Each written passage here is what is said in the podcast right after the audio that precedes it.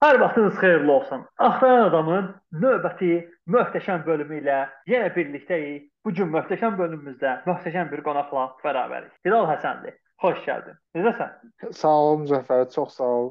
Sən necəsən? Əla, mən möhtəşəməm. Gəldiyin üçün çox sağ ol.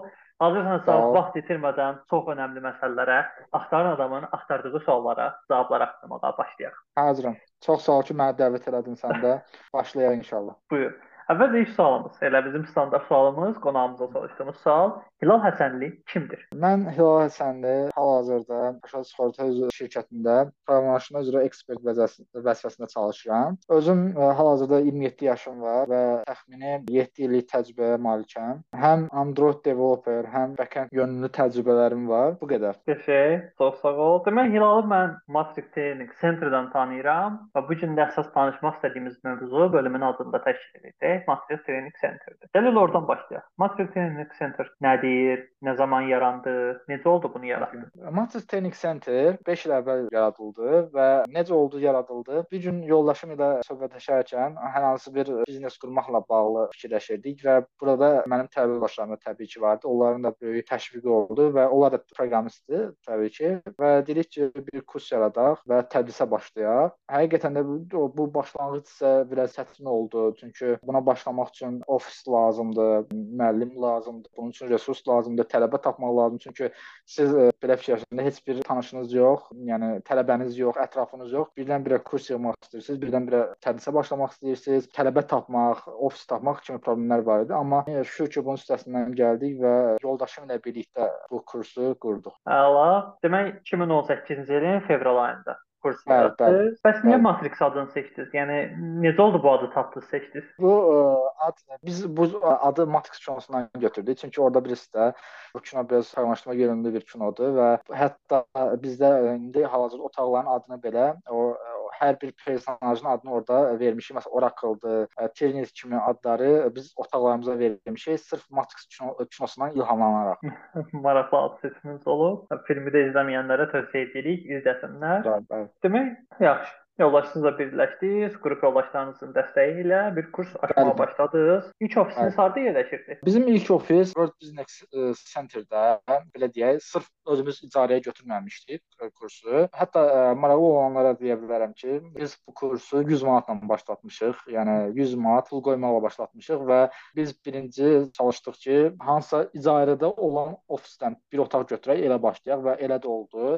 Bir ofis götürdük və orada mənim bir qohumum var idi proqramlaşdırmağı öyrənmək istəyirdi. Onun sayəsində onun tələbə yoldaşlarına bir gətirdi və ilk dərsimiz də belə deyək, onlarla başladı və bir otaqda çalışdıq dərs deməyə və belə-belə günü-gündən tələbələrin sayı artdı. Hətta bir otaq sonra oldu, iki otaq, sonra çatmayanda başladıq ofisi dəyişməyə. Əvvəl World Business Center-də yerləşmişdi və ilə bağlı bir ofis idi, yəni icarəyə götürmüşdü. Biz də onun daxilində aylıq ödənişdən ona pul ödəyirdik. Sonra mərtəbə dəyişdi, sırf özünüzün otağınız oldu. World Business Center-də bəli, ə, mərtəbə dəyişmədi, eyni mərtəbədə sadəcə başqa ofisə köçdük. Həm ə, belə deyək də kimdən ki icarə götürmüş, ondan qonşu olduq, amma başqa ofisdə. Yəni çünki günü-günə inkişaf edirdi və bu bizə vadar elədi ki, başqa ofis götürək. Düzdür, ə, xərcimiz, gəlirimiz o qədər olmasa da, amma ən azından xərcimizi ödəyirdi və məncə belə deyək də, birinci gəliri fikirləşmək lazım deyil, 2-3 il ərzində inkişaf fikirləşmək lazımdır. Və bunun üçün də biz çalışırıq ki, pul vəcdiyək və maksimum böyüyək. Aha. Bəs indi harda yerləşir kurs? Bəli, indi hal-hazırda biz pandemiyadan əvvəl sınav səbəbimizdən oldu ki, pandemiya, çünki məlum oldu, hər yerə bağlı idi və işləyə bilmirdik və bizdən də ödəniş tələb olunurdu. Buna görə biz məcbur olduq başqa bir yerlə danışaq və keçidlərə. İndi hal-hazırda Axmolda ikinci mərtəbədə yerləşir. Əslində mən deyərdim bizim üçün bu belə deyək də yaxşı bir şey oldu. Hər, hər işdə bir xeyir var deyirlər. Çünki World Business-də həm 20-ci mərtəbədə idi, gediş-gəliş az idi və şərait olaraq olaraq kurs şəraiti yox idi. Yəni ev stilində bir ofis idi. Həqiqətən e, bizə bir o pandemiya bir belə deyək də xeyri oldu ki, biz ofisi dəyişdik daha yaxşı yerə. Çünki Afmolda insanların e, çox gediş-gəliş olduğu yer və kurs şəraiti var, ofis şəraiti var. Yəni gələn gedən bunu görür eləyir. Ona görə həqiqətən biz, bizə çox xeyri dəydi. Həm də digər məsələlər var ki, bizim üçün çox üstünlük oldu. Məsəl üçün biz hansısa bir tələbə gələndə World Business Center deyəndə, məsəl üçün onu izah edə bilmirdik. 20-ci mərtəbə, yəni bilmirdi, amma Afmolu bu saat hər kəs tanıyır deyə həqiqətən ofisin strateji harda olaraq harda yerləşməyi ə, kurs üçün məncə böyük əhəmiyyət kəsb edir. Məsəl üçün deyə bilərsiniz ki, məsələn, elmlərdə də ə, tuta bilərik, amma və yaxud nə bilim Əhməd Rəcəbdə tuta bilərik, amma ofisin həqiqətən 28 mayda şəhər, şəhərin düz mərkəzində olmağının çox böyük bizə üstünlüyü var. Qəşəng tək həmişə bu üstünlük davam eləsin, qalsın, həmişə ofisinizə baş çəkənlərin sayı çox olsun axtaranlar olsun. Amin. Çox sağ ol. Demək, bir dənə Matrix məsələsinə təkrar qayıtmaq istəyirəm. Demək, mən Hı. orada sizi təzə təzə tanıdığım zamanlarda belə bir hadisə baş vermişdi ki, 10 e, dekabr günü gəldi, siz dediniz ki, biz e, hansısa bir rəsmiləşmə metodunun bir addım da irəli getdik, böyütdük işi, adı da dəyişdirdiniz. Dəyişdirdiniz deyəndə, yəni əvvəl Matrix deyirdik, sonra oldu Matrix Training Center. Bə logo, bəli, logo bəli, falan dəyişdi. Bəli, bəli, bəli. Bizdə təbii ki, biraz böyüyəndən sonra, tanınan sonra bir hər, həqiqətən o belə deyək də, böyüdükcə, uşaq necə böyüdükcə öyrənir. Biz də həqiqətən böyü, böyüdükcə necə qurulmalıdır, vergi necə ödənməlidir, rəsmi olaraq necə olmalıdır. Bunun üçün biz peçat aldıq. Əslində dəyişmə səbəblərimizdən biri də o idi ki, loqomuz dəy çünki Petsatda loqo qeyd olunur. Loqomuzu ona görə dəyişdik. Həm də ki, bu loqo bizim özümüzün yaratdığımız bir loqo idi, amma yeni loqomuz isə dizayner tərəfindən yaradılmış bir loqo idi. Yəni daha məncə gözəl alındı və loqomuzu dəyişmək məcburiyyətində qaldıq. Yəni ki, səbəblər bunlar idi ki, biz loqomuzu dəyişmək məcburiyyətində, həmçinin saytımızı da bir müddətdən sonra dəyişdik. Yəni indi günün e, bu günündə də saytımızı və digər şeyləri də hətta yeniləmək istəyirik. Uğur olsun. Ümid edirəm tezliklə istədiyinizlərinizi tutarsınız çalışırsınız və gözlədiyinizdən də daha qəşəng nəticələr əldə edərsiniz. Amin. Amin. Demək növbəti sualımız belə olacaq ki, bu kursu qurduq, artıq fəaliyyətə başlayırıq dedik. Bəs hansı sahələr üzrə fəaliyyətə başladıq? Yəni sırf proqram proqramlaşdırmadır, kodinqdir, yoxsa hə. başqa sahələrdə bizdə bizdə hal-hazırda kurs e, sırf software yönümlüdür, yəni hardware yönümlü deyil. Burada istər dizayn tərəfi, UI, UX, qrafik dizayn, data science, data analitik tərəf, Android mobil proqramlaşdırma, web proqramlaşdırma və backend proqramlaşdırma istiqamətlərində tərəfdə və eh, database tərəfdə istər Oracle SQL tədris olunur. Yəni bu saydığım hə, proqramlaşdırmanın bir çox qolu üzrə Əslində bizdə tədrislər mümkündür. Sadəcə hardware tərəfi yoxdur bizdə. Sadəcə hardware tərəfi yoxdur. Belə deyim, mən hazırlıqlı gəlmişəm, əvvəlcədən saytınızı dəyişmişəm. Mən belə baxdım ki, təxminən front-end, Java, PHP, C# kimi back-end dərsləriniz, mobil tərəfdə Android, bəli, bəli. Database tərəfdə Oracle SQL və PL SQL dərsləriniz, kurslarınız var. Bəli, bəli. Qrafik dizaynınız, UI UX dizaynınız, 2D animasiyanız, bir də R ilə data analitik, data analiz dərsləriniz var. Bəli, bəli. Kursların da təxmini müddətləri nə qədər müddətləri dəyişir? Yəni kursdan kursa dəyişir o müddəti bilirəm amma bəli, ümumi. Kursdan kursa dəyişir. Məsəl üçün ən az səhv eləmirəmsə olan Oracle SQL, yəni SQL olanlar 4 aydır və digərləri çox vaxt 6-7 aydır. Hətta biz bunun vaxtlarında da bəzən dəyişiklik etməli olduq. Çünki tələbələrdən çox feedback gəldi ki, praktika, praktika olsun. Məsəl üçün Android əvvəl 6 ay idisə, indi 7 ay oldu. Çünki biz ona İstərsəm çünki günü-gündən texnologiyalar artır. Tələbələr də məsələn qeyd edir ki, bu texnologiya olsa yaxşıdır. İstərsəm o texnologiya əlavə olunursa, müddət də çoxalmalıdır. Çünki istərsəm o vaxt uzanır və biz bunu qeyd edirik ki, 7 və çalışırıq ki, praktika imtahanları da eləyək. Yəni maksimum 7 aydır bizdə tədris, minimum 3 və ya 4 aydır, yəni belə. Bu gün bəs sizin fəaliyyətiniz sadəcə kurs kimi şagird gəlsin, dərsliyə çıxsın, getsindir, yoxsa bir kənar əlavə fəaliyyətləriniz də var? Belə deyim, bizdə hal-hazırda kurs sırf formalaşma kursu kimi fəaliyyət göstərir, amma bizdə günü bu gün əlimizdən, yəni sırf tələbə tədris gəl, dərs gəldi, oturdu, elədi, çıxdı, getdi, yox. Çalışır ki, biz də kurs olaraq tə, təbii ki, indi ə, məsələn sən daha yaxşı bilərsən, əvvəl bu şeylər yox idi. İndi məsəl üçün belə deyim, biz çalışırıq ki, tələbələri maksimum yönləndirək. Təbii ki, uğurlu tələbələri müəllimlərdən feedback alırıq ki, hansı tələbə daha uğurludur, daha yaxşı bilir. Onu çalışırıq ki, maksimum yönə yönəlib partnyor olan şirkətlərlə yaxud bizə olur ki, yazırlar ki, Hilal mənə məsələn Android developer lazımdır. Tanıdığın biri varmı? Tələbələrlə yönləndirə bilərsən. Çalışırıq ki, yönləndirək. Yəni bu bu kimi fəaliyyətləri göstəririk və hətta yenicə biz çalışırıq ki, tələbələrimizlə fake interview də eləyirik. Yəni tədris qurtarandan sonra fake HR interview intervyusu, ondan sonra isə texniki intervyu olur və bunun haqqında tələbələrə feedback verilir və məncə tələbələrə çox مش بت təsir edir ki, bilirlər ki, nəyi öyrənmək lazımdır, hansı suallar düşür. Bizdən gələndə imtahanlara nəzarət olunur və oxumayan tələbəyə çalışırıq ki, ondan tələb edirik ki, oxusun. Əgər oxumursa da təbii ki, onu uzaqlaşdırırıq, ə, qoymuruq ki, yəni tədrisi həm ləngitsin, həm də ki, ə, müəllimə də o bir növ demotivasiya verir istər-istəməz ki, oxumayan tələbə olanda. Amma belə deyək, zə zəif ola bilər tələbə, amma tələbə çalışanda müəllimə motivasiya verir. Yəni zəif olmanın ona belə deyək də pis təsiri yoxdur, amma tələbə güclü olur, oxumursa, bu müəllimə müəllimə və kursa həqiqətən işinlə gedir. Ona görə çalışırıq ki, bu şeylərə nəzarət edək. Mən orada olduğum zamanlar, yəni Matrix-i yeni-yeni tanıdığım zamanlar sizin əlavə təlimlərin, tədbirləriniz olurdu. Xatırlayıram. Aha. Gəlmişdim. Aha. Bir nəfər Kapital Bankdan HR gəlmişdi həmənki vaxt 2018-də. Bəli, bəli, bəli, bəli, bəli. Sonra başqa bəli. bir yerdən Android gəlmişdi, Android-i təqdim edirdi falan ya da Flutter üçün gəlmişdilər. Belə tədbirləriniz olurdu. Bəli, bəli, bəli. Çalışırıq ki, workshoplar eləyək. Məsələn, əvvəl Android, məsələn, Python-la bağlı olub seminarlarımız. Yəni çalışırıq ki, tələbələrə maksimum, e, məsələn, indicə sən dedin, HR-la görüşümüz də olur. HR-la tələbələrlə HR arasında görüşlər olur ki, hansı suallar verilir intervyuda. Yəni tələbələrə öyrətmə e, yönündür və kiminsə təcrübələrini qatdı. Yəni tələbələri ötürmək üçün belə seminarlar edirik ki, tələbələr də yararlansın. Təbii bunları yaxşı qeyd edirəm ki, bunları da hal-hazırda el eləyirik. Yəni çalışırıq maksimum eləyək. Məsələn, təzəlikcə biz bizim kursda belə maraqlı bir şey var. Kino günü qeyd etmişdik. Tələbələr yığılıb kinoya baxırdılar. Yəni bu kimi maraqlı tələbələr arasında həm ünsiyyət yaransın, həm bir-birini tanısınlar, kommunikasiya yaransın. Bu kimi şeyləri də çalışırıq ki, eləyək. Yəni əlimizdən maksimum nə nə gəlirsə çalışırıq onu eləyək. Bəs sınaq dərsləriniz olurmu? Bəli. Yəni mən hansısa bir kursa gəlmək istəyirəm, amma bilmirəm nəyi seçəcəyimi. Bəli, bəli. Sınaq, sınaq dərslərimiz təbii ki olur. Əgər kimsə istəyirsə ki, tədrisdə, yəni davam etməmişdən qabaq bir sınaq testinə baxsın, yəni sınağı ə, e, otursun və sınaq eləsin həm müəllimin dərsinin keyfiyyətinə, həm kurs olaraq. Təbii ki, hətta 2 dərs ə, e, oturub, yəni dərsi dinləyə bilər və ondan sonra qərar verə bilər. Yəni burada heç bir problem yoxdur. Yəni onun belə deyək, cəyidirsə, yəni problemsiz əyləşə bilər. Belə onda soruşa bilərəm ki, sizə bəs müəllimləri istərkən hansı formata üstünlük verirsiniz? Müəllimləri necə seçirsiniz okay. və yaxud müəllimlər üstünlüyünüzdə necə işləyirsiniz? Müəllimlər üzərində necə çalışırıq? Təbii ki, ətrafımızda da olur ə, müəllim ki, özü müraciət edən və yaxud mən özüm ə, axtarıram LinkedIn üzərindən ə, və əgər razıdırsa müəllim, biz ona birinci demo dərs eləyirik. Hə, mən məsələn bir mövzu seçirəm, deyirəm ki, bu mövzuda mənə demo dərs. Yəni bizə də kurs olaraq demo dərs təşkil edirik və o tədris haqqında, tədris barədə danışır. Yəni seçdiyimiz mövzu üzrə danışır və biz ona baxa uyğun təcrübələrimizdən maraq bilirik ki, hə bu müəllim izah edə bilər, yoxsa yox.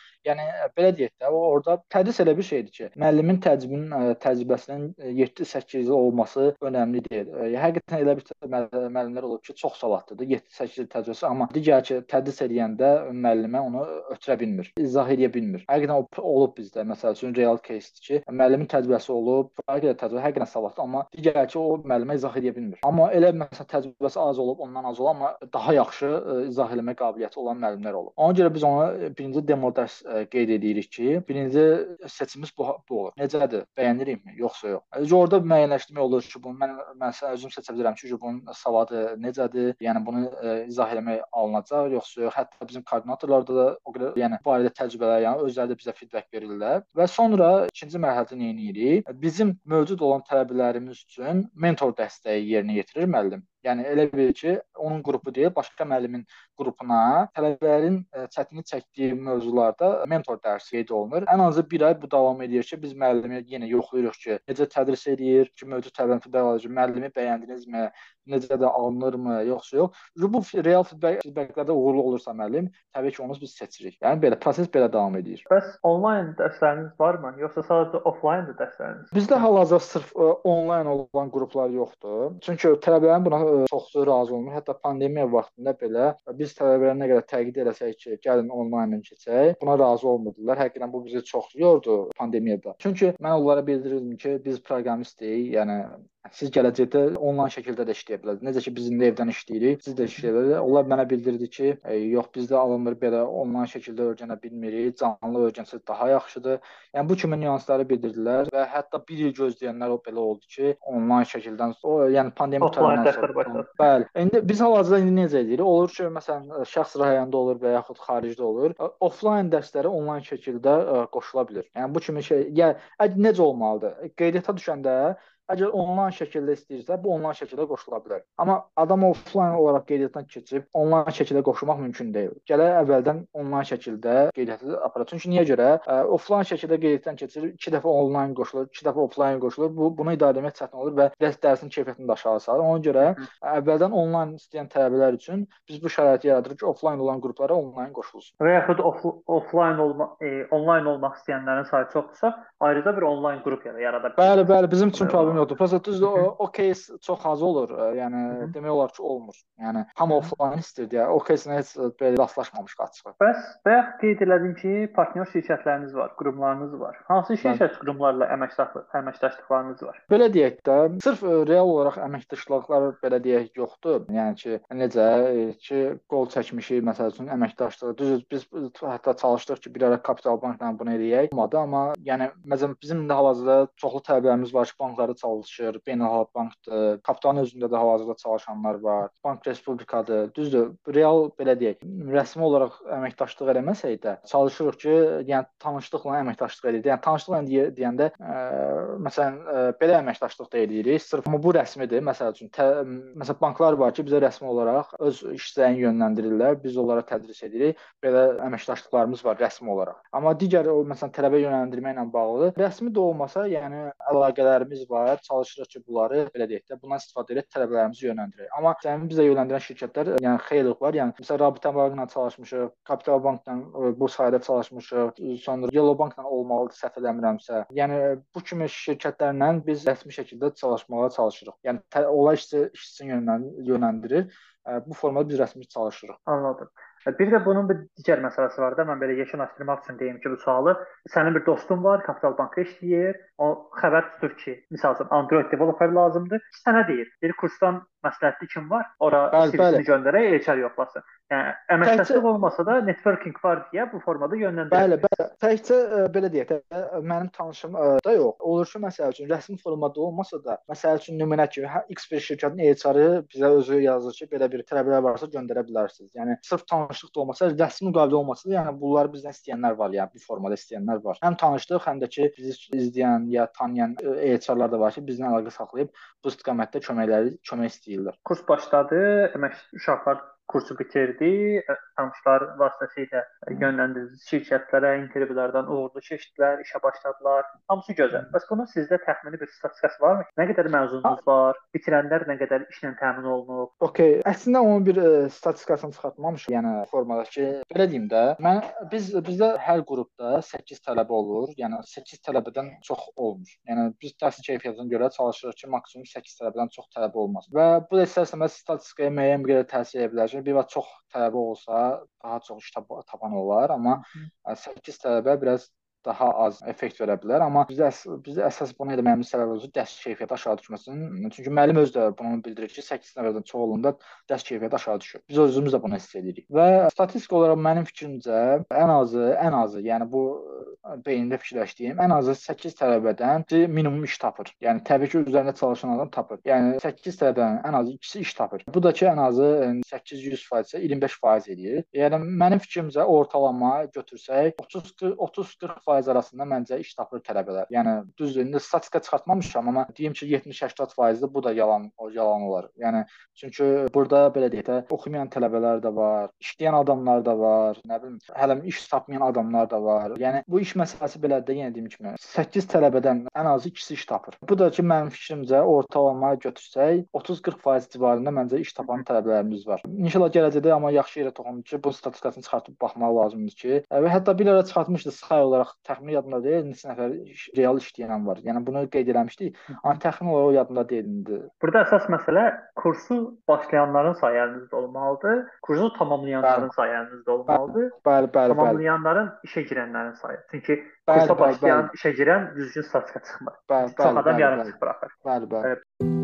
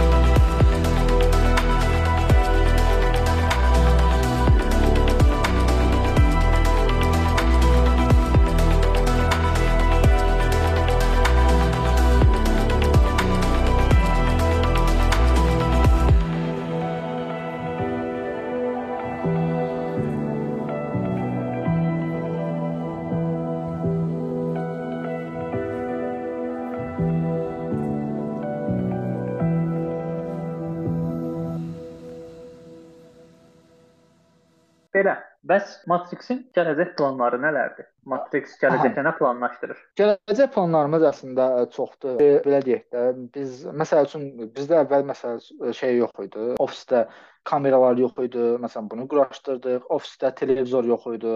Əvvəl monitor idi, bunu elədik. Ofis məqsədimiz ofisi böyütməkdir, böyütdük. Yəni ofisdə hələ bəzi işlər var ki, onu görməliyik. Məsəl üçün nə deyim sizə? O ofisdə kompüterləşdirmə bizim, bizim planlarımızdan biridir gələcəkdə. Yəni xırda düzdür, xırda şeylər də var, amma mən indi əsas böyük şeylər saydım da. Məsəl üçün ofisi kompüterləşdirməkdir. Yəni tələbə gəl, hazır gəldi, oturdu, keçsin. Sonra dövlətlə əməkdaşlıq eləməkdir. Yəni məsəl üçün Techfest bir eşitmisiniz yəqin ki, dövlətin bir təşkil etdiyi bir nə deyim, tədbir təşkil, tədbir, hə, tədbir hə, deyək, ə, tələbələri yönləndirir və dövlət onun ödənişini edir. Çalışdıq ona bir ə, qoşulaq, amma qoşula bilmədik. Bu kimi tədbirlərə ə, qoşulmaq və şirkətlərlə rəsmi olaraq əməkdaşlıq etmək, bu kimi məsələlərə həm ə, gələcəkdə işçi sayını çoxaltmaq, yəni çünki günü-gündən hər şirkət təbii ki, hər şirkətdə problem var. Kim desə ki, problem yoxdur, o yəni yanlışdır. Ə, çalışırıq ki, bu problemləri maksimum aradan görürük hal-hazırda problem var, məsəl üçün. Çalışırıq biz o problemi aradan, ona resurs ayırmaq istəyirik. Yəni bu kimi bəzi problemlər var ki, onu çalışırıq ki, işçi götürək, sırf ora fokuslansın və onu həll etsin. Yəni bu bu kimi məsələlər var amma tədrisin keyfiyyəti ilə bağlı sırf fokuslanmaq istəyirik. Yeni müəllimləri cəlb eləmək. Yəni bu bu kimi şeylər var ki, onu etmək istəyirik. Gələcəkdə indi ona da başlamışıq. Yeniyetmələr üçün tədrisə də başlamışıq. İstəyirik ki, yeniyetmələr üçün olan tədrisi də davam elətdirək. Hələ ki bunlardır, yəni fikrimizdə tutduğumuz, amma gələcəkdə, yəni hətta məsələn ofisdə bizdə belə deyək də, coworking kimi bir yer düzəltmişik. İstəyirik ki, bunu daha da bir yaxşı eləyək. Tələbələr rahat, daha rahat belə deyək də, komfort komfortlu zonada oturub işləsinlər və o Matrix onlar üçün onların onlar üçün bir ailə ailə olsun. Yəni sırf kurs kimi olmasın, gəlsinlər öz rahat iş yerləri kimi elə bil işləsinlər, getsinlər. Yəni bu kimi şəraitlərdə yəni, ofis ofisdə bəzi nüanslar var ki, onu biz inkişaf elətdirmək istəyirik. Sonra nəyim tal çəkə bilərəm? Hə, gəl məsələn bir də demək istəyirik ki, məsələn bizdə olur ki, bəzi tələbələr var ki, gəlir məsələn Java proqramlaşdırmaya başlayır və ikinci ayda görür ki, onluq deyil və qrupu dayandırır. Bu həm bizə sərf etmir, həm müəllimə sərf etmir. Çünki niyə 8 tələbə başlayıb da görsən 4 tələbə qalır. Bu da ki, təbii ki, 8 tələbə demək daha yaxşıdır kurs üçün. Nəinki ki 4 tələbəyə. Bunun üçün biz indi məqsədimiz nədir? Başlamışıq ona. Foundation dərsləri var hətta. Bu nədir? Və foundation bir də pre-coding dərsləri var bizdə. Pre-coding nədir? Məsələn deyim, bunu bu hal-hazırda işləyir və bunun üzərində çalışdıq. Pre-coding odur ki, olur ki, məsələn kimsə gəlir, amma bilmir nəyə başlasın bilmir front-end nədir, back-end nədir. Hər bir modul bir müəllim tərəfindən tədris olunur və ona başa salınır ki, yəni front-end budur, Android budur, backend budur və tələbə öz bilir ki, nəyi seçəcək. Bu bu bizim məqsədlərimizdən biridir ki, hal-hazırda tətbiq olunur. Foundation nədir? Foundation-da heç kompüter bilikləri olmayan tələbələrə kompüter bilikləri öyrədilir ki, yəni məsəl üçün deyirəm də, CMD nədir, startup nədir, necə kompüter necə yandırırsın, Word, Excel nədir? Bunlarda işləməyi öyrəndiniz, kursa gələndə rahat olsun. Üçün, üçüncü elədi, eləmək istədiyimiz ə, gələcək planlarımızdan biri də odur ki, dediyimiz kimi olur ki, Java ə, 4 tələbə ə, qalır. Biz belə bir şey eləmək istəyirik. Birinci Java məsəl üçün gəlir tələbə, heç bir anlayışı yox. Biz tələbələrə data structure alqoritm üzər alqoritm üzərindən bir, bir iki aylıq bir tədris eləmək istəyirik ki, adam baxsın, görsün ki, bu proqramlaşdırma mənlikdirmi, yoxsa yox. Çünki biz burada müəyyənləşdirə biləcəyik ki, hansı tələbə zəifdir, hansı tələbə güclüdür və hətta bu zəif tələbələri, yəni bir qrupa, güclü tələbələri bir qrupa da yığmaq kimi planlarımız var ki, çünki niyə görə? Bəzən böyük güclü tələbə olanda zəif tələbə arasında bir durğunluq yaranır və yəni zəif tələbə çox bilir deyə tələbəyə maddi motivasiya olur, zəif bilən tələbə yaxud müəllim tələbə təkrar-təkrar deyəndə böyük tə, ə, güclü bilən tələbədə biraz istərsə məyusluq yaranır. Bu kimi problemləri də aradan qaldırmaq istəyirik ki, ə, gələcəkdə eyni ölçülü tələbələri bir yerə, güclü tələbələri bir yerə yığaq ki, onu idarə etmək daha rahat. Və olur ki, zəif tələbədir, güclü qrup həqiqətən geri salır. Yəni bu da bu kimi hallar da olur. Və yenə dediyim kimi olur ki, adam gəlib e, baxır ki, proqramlaşma həqiqətən çətinlikdir, fikirləşdiyi kimi bir şey deyil də. Elə Java dərsinə başlamamışdan elə bu tədrisdə çıxır gedir. Və bu çıxıb getdiyinə görə bizim e, gələcəkdə Java qrupumuz başlayanda real 8 nəfər olacaq. Yəni re real 8 nəfər olacaq. Bu da o deməkdir ki, real 8 nəfər olanda biz axıra kimi 8 nəfəri saxlaya bilmə şansımız 90-80% olur. E, gələcəkdə planlarımızdan biri də budur. Təşəkkür. Burada mənim bir sualım yaranmışdı əslində. Amma bir növ suala cavab aldım artıq. Hansı ki, mən gəlmişəm, sahəmi seçməyi bilmirəm, nə edim, mənə necə kömək edə bilərsiniz? Bu da sizin foundation və pre-programming kurslarınız mənasını verir ki, bunlar bəli, artıq mənə kömək eləyir seçməyə. Bəli, bəli. Pre-programming məqsədi yenə deyim kimi siz sən dediyin kimi seçə bilmirsən, bunun vasitəsilə seçə bilərsən. Foundation odur ki, biz belə deyək də, bunu real vəkələ əsasında alırıq. Bəzən olur ki, zəif təbə həqiqətən kompüter yanır. Bu, bu başa düşülən bir şeydir. Yəni heç bir işlətməyib. Bu istəsinə qrupda bir şey yaradır da, yəni e, qıcıq yaradır sizə hər hansı bir tələbəyə. Və biz də buna çalışdıq ki, bunu necə həll edək? Heç bir kompüter biliyi olmayan tələbələrə bu ilkin bilikləri öyrədək ki, kompüterdə ə, kursa başlayanda bu şeylərin bir də üzərindən keçməsin. Məsələn, müəllim deyəndə ki, CMD-ni aç, o bilməyəndə istər-istəməz həm müəllimin vaxtı gedir, həm də ki, onu təz başa salcı CMD nədir falan. Buna əlavə bax effort sərf eləməyək deyə. Başa düşdünüz necə? Bildim. Belə soruşum onda mən sualı verim ki, Azərbaycanda çoxlu kurslar var. Hər bir kursların bir-birindən müəyyən üstünlükləri ya fərqlilikləri var. Bəs Matrixin başqa kursdan üstünlükləri və yaxud belə desək, fərq fərqli cəhətləri nələrdir? Fərqli cəhətləri nədir? Hətta ə, bizdə mən belə deyim, belə deyək də, təkəbbürlük kimi yox. Olub ki, bizdə məsələn başqa müəllim müəllim də gedib başqa kursa, qayıdıb gəldi ki, həqiqətən matrixdə keyfiyyət var. Təbii ki, mən yenə deyirəm, hər bir kursda ə, problem var. Yəni heç kim deyəməz ki, mənim kursum idealdır, ə, problemsizdir, ə, şirkət olsun, fərqi yoxdur. Hər bir kursda problem var. Təbii ki, bu problemi aradan qaldırmağa çalışır. Bizim fərqimiz ondan ki, məsələn indi mən bazar araşdırması da edirik. Düzdür, bizdən ucuz olanlar da var, bizdən qiymət olaraq baha olanlar da var. 2 qat, 3 qat. Bizim fərqimiz qiymətimizin normal olmağıdır mənim fikrimcə. Düz bizdən ucuz olanlar da var təbii ki. Yəni məncə bizdə orta qiymətlər orta səviyyədədir və bu da istərsəməz bizə gələn tələbələrin çoxusuna uyğun olur. İkinci hal bizdə həqiqətən ailəşir kurs olduğuna görə, yəni rahat mühit, necə deyim, həqiqətən bizdə işçilər də arasına gələnlər görəcək ki, ünsiyyət necədir. Həqiqətən bizə gəlib işləyən, həqiqətən bizə normal çalışsa, yəni canın qoysa, yəni həqiqətən bizə belə deyək də, bizə o keyfiyyəti versə, görəcək ki, biz necə o müəllimin tərəfini saxlayırıq, necə belə deyək də, çalışırıq ki, o şəraiti yaradaq müəllim getməsin, çalışırıq işçiyə dəyər verək. Bu kimi şeylərə, e, məsələn, mən həmişə demişəm, əgər bir kurs və yaxud bir şirkət işçidən qazanırsa, o işçinin dəyərini bilməlidir. Yəni qoymamalıdır, o getməlidir. Bu həm müəllimlərə, həm lərə, yəni çalışırıq ki, maksimum ədalətli davranaq və bu şeylərə diqqət eləyək. E, ikinci mərhələ, məncə bizdə tədrisdə olan bəzi şeylər var ki, bəzi kurslarda yoxdur. Yəni deyirəm ki, məsələn, pre-codingdir, foundationdır, e, imtahanların yoxlanmasıdır, tələbələrdən hər ay feedback alınır, koordinatorlar çalışılır hər dəstə tutsunlar. Olur müəllimin də nəsə səhvi olur, nəyisə səhv qeyd edir və yaxud əsəbləşir. Normal onu bildirir ki, olmaz belə. Hər hansısa bir tələbənin feedback əsasında olur ki, məsələn deyir ki, müəllim tez deyir, tez danışır. Müəllimə bunu ə, nüans kimi verir ki, müəllim o, o tez danışırsınız, biraz onlar asta danışır, bəzi tələbələr başa düşmür. Çalışırıq ki, tələbənin feedbacklərini nəzərə alaraq onu dəyişək. Bu da çünki həm bizim kursun inkişafıdır, həm də tələbənin inkişafıdır, həm müəllimin inkişafıdır. Yəni çalışırıq ki, bu şeylərə diqqət yetirək ki, kursumuz inkişaf etsin. Məncə bu digər kurslardan məncə üstünlüyümüzdür. İndi hərənin özünə görə üstünlüyü var təbii ki. E, yenə deyim, qiymət məsələsidir, bu kimi nüanslardır. Bizdə sonda layihə təqdimatı olur, bir-bir layihələr yoxlanılır, mənim tərəfimdən yoxlanılır layihələr, feedbacklər verilir və bunun əsasında sertifikat verilir. Yəni əgər layihə təqdimat eləmirsə, o tələbə sertifikat ala bilmir. E, yenə deyim, HR intervyusudur, texniki intervyudur ki, bu kimi nüanslar var ki, bizim üstünlüyümüzdür və hətta gələcək planlarımızdan biri də mən demək istəyirəm Zəfər, biz sertifikatı fərqləndirmək istəyirik. O bizdə olur ki, uğurlu tələbələr var ki, həqiqətən çox fərqlənir. Yəni onun bir grade olacaq və ola biləcək ki, onun əgər o gradedən yüksəkdirsə, onun sertifikatı fərqlənəcək. Necə ki, qırmızı diplom var, burada da elə bir şey olacaq. Gradelər olacaq. Əgər bu gradedən yüksək olan tələbələr, belə deyək də, fərqləndiriləcək. Bizim məsəl, yəni deyim ki, əsas üstünlərimiz texniki intervyudur, insert layihə təqdimatıdır. Çalışırıq həqiqətən tələbələrimizi yönləndirməyə, bu kimi üstünlüklərimiz var. Çalışırıq startaplara yönləndirək.